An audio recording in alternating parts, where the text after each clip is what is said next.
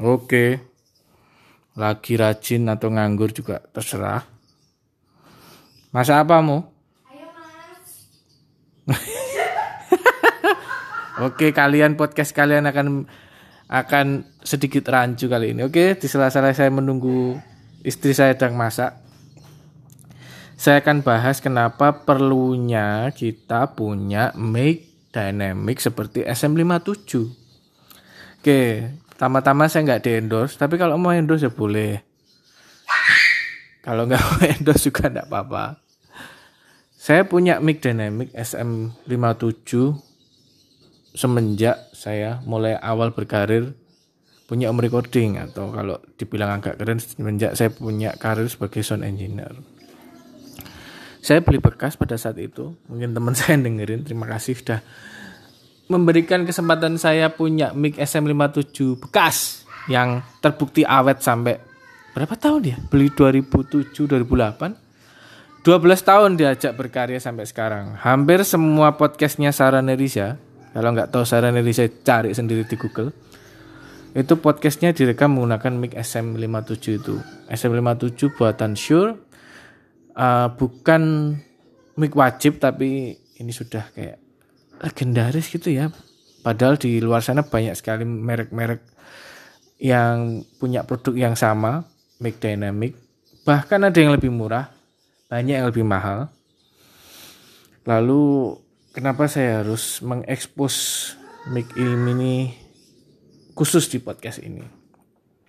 Jadi mic dynamic ini saya beli karena pada saat itu saya melihat mic ini kok sering dipakai ya di berbagai aplikasi. Mulai dari todong gitar, kemudian instrumen, snare, alat tiup, kemudian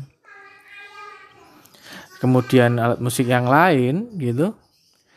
Uh, kok banyak yang pakai aplikasi ini? Di awal-awal belajar sendiri rekaman melalui internet Telkomnet instan kalau masih ingat sebelum ada IndiHome ini setiap baca artikel pasti itu disebutin mic SM Sure SM57 SM57 SM57 kemudian sudah teringat-ingat di kepala kok ini banyak sekali artikel yang notice masalah ini ya. Oke, saya akhirnya punya dan beli. Kemudian saya pakai eksperimen terbukti awet ya. Tak terbukti awet ya, 12 tahun ikut bareng sama aku, kerja terus hampir tiap hari, baik itu bikin guide sampai bikin uh, rekaman master di situ. Kalau nggak salah semua animasi Rizka pakai itu mic Jadi karya-karya animasi pakai mic itu. Oke, saya sebutkan beberapa kelebihannya. Satu awet ya, tidak bisa dipungkiri ini 12 tahun ikut aku. Dan penggunaannya cukup ekstrim hampir setiap hari. Tapi kebanyakan di indoor. Jadi tidak keluar studio. Kemudian karakternya biasa banget.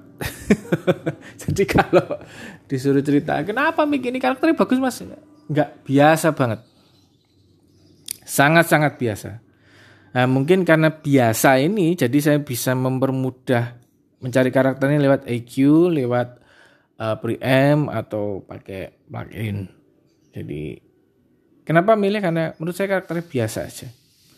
Bahkan di beberapa rekaman itu malah cenderung kok jelek ya suaranya gitu. Jadi menurut saya jadi nggak nggak terlalu istilahnya nggak sit on the mic ya kalau bahasa Inggrisnya dalam bahasa Jawa ini orang langsung plek gitu di materi rekaman jadi harus nge dan sebagainya. Uh, kelebihan yang lain dia bisa handling SPL besar dalam bahasa kasarnya dalam bahasa Jawa nih kalau ruanganmu noise ini kayak ruanganku sekarang ini Aku punya studio yang isinya ada suara orang masak, anak-anakku teriak, nonton TV dan sebagainya. Memang uh, saya bikin studio memang saya punya dua studio, satu yang memang kedap banget dikhususkan untuk kerja keras, anti noise, jadi hujan lebat seperti apa masih bisa kerja. Dan saya punya studio yang kedua yang tidak ada AC-nya, agak panas. campur dengan jemuran, kemudian campur dengan anak-anak. Lah kan kondisi studiomu nggak ideal seperti studio saya yang kedua ini, Sur SM57 cukup enak untuk handling noise. Jadi seperti itu. Suara kipas tidak terlalu mendominasi. Beda dengan studio saya yang pertama, pakai mic condenser, kemudian ruangannya di semi kedap gitu. Suara AC, suara gesekan baju dengan tangan itu masuk semua. Nah, di Shure SM57 ini tidak terlalu masuk.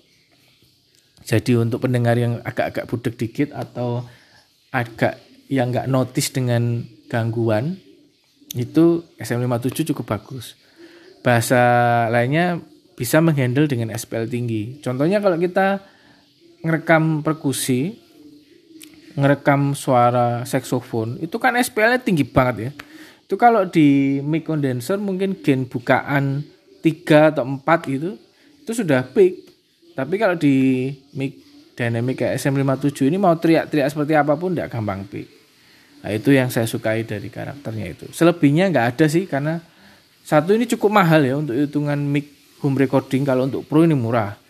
Harga listnya kalau di luar negeri 99 dolar, masuk ke Indonesia sekitar 1,8 atau 1,9 ecerannya. Lihat saja di Tokopedia.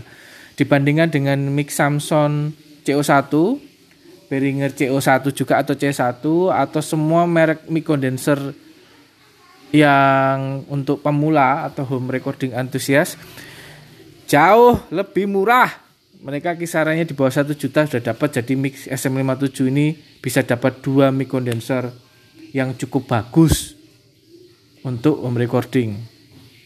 Jadi ini kalau nggak pro-pro banget jangan beli mic ini.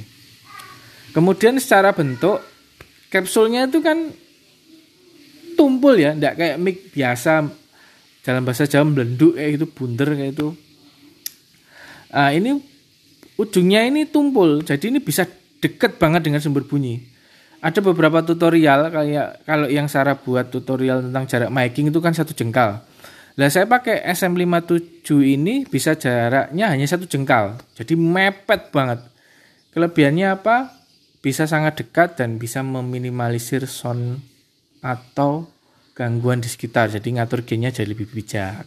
Jadi nggak harus jaraknya jauh-jauh. Kelemahannya apa? Ya kebalikan itu semua. Mic ini tidak peka Kemudian kalau suara narasumbermu nggak terlalu keras, nggak terlalu ideal, akan sangat susah sekali.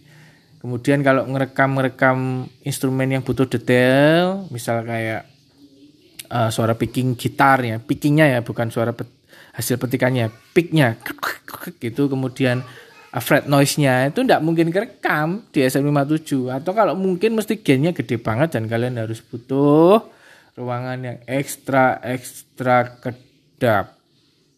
Oke, ruangan ekstra kedap sama dengan dicor, dicor sama dengan mahal. Jadi ruanganmu harus mahal. Atau kamu punya rumah self isolated di sebuah pulau. Jadi pulamu uh, studiomu ada di pulau yang kamu beli sendiri kayak pemain sepak bola yang super kaya itu. Jadi itu histori kenapa saya pakai SM57 mahal tapi awet ya itu tidak bisa dipungkiri. Dan beberapa kali jatuh ya tapi alhamdulillah sehat walafiat. Kemudian kajian teknisnya seperti itu bisa handling SPL yang besar tidak terlalu peka dan suaranya cenderung biasa banget. Tidak memiliki tambahan karakter bisa sedikit ngebas atau sedikit triple gitu kayak gitu. Ndak menurut saya ndak ada. Walaupun beberapa sound engineer lain bilang ada kok karakternya. Tapi menurut saya ndak ada karakter yang ditambahkan oleh mic ini selain biasa-biasa saja. Oke. SM57 historinya seperti itu. Terima kasih sudah mendengarkan podcast dengan tambahan sound efek anak-anak dan istri saya yang sedang memasak. Terima kasih sampai jumpa di podcast selanjutnya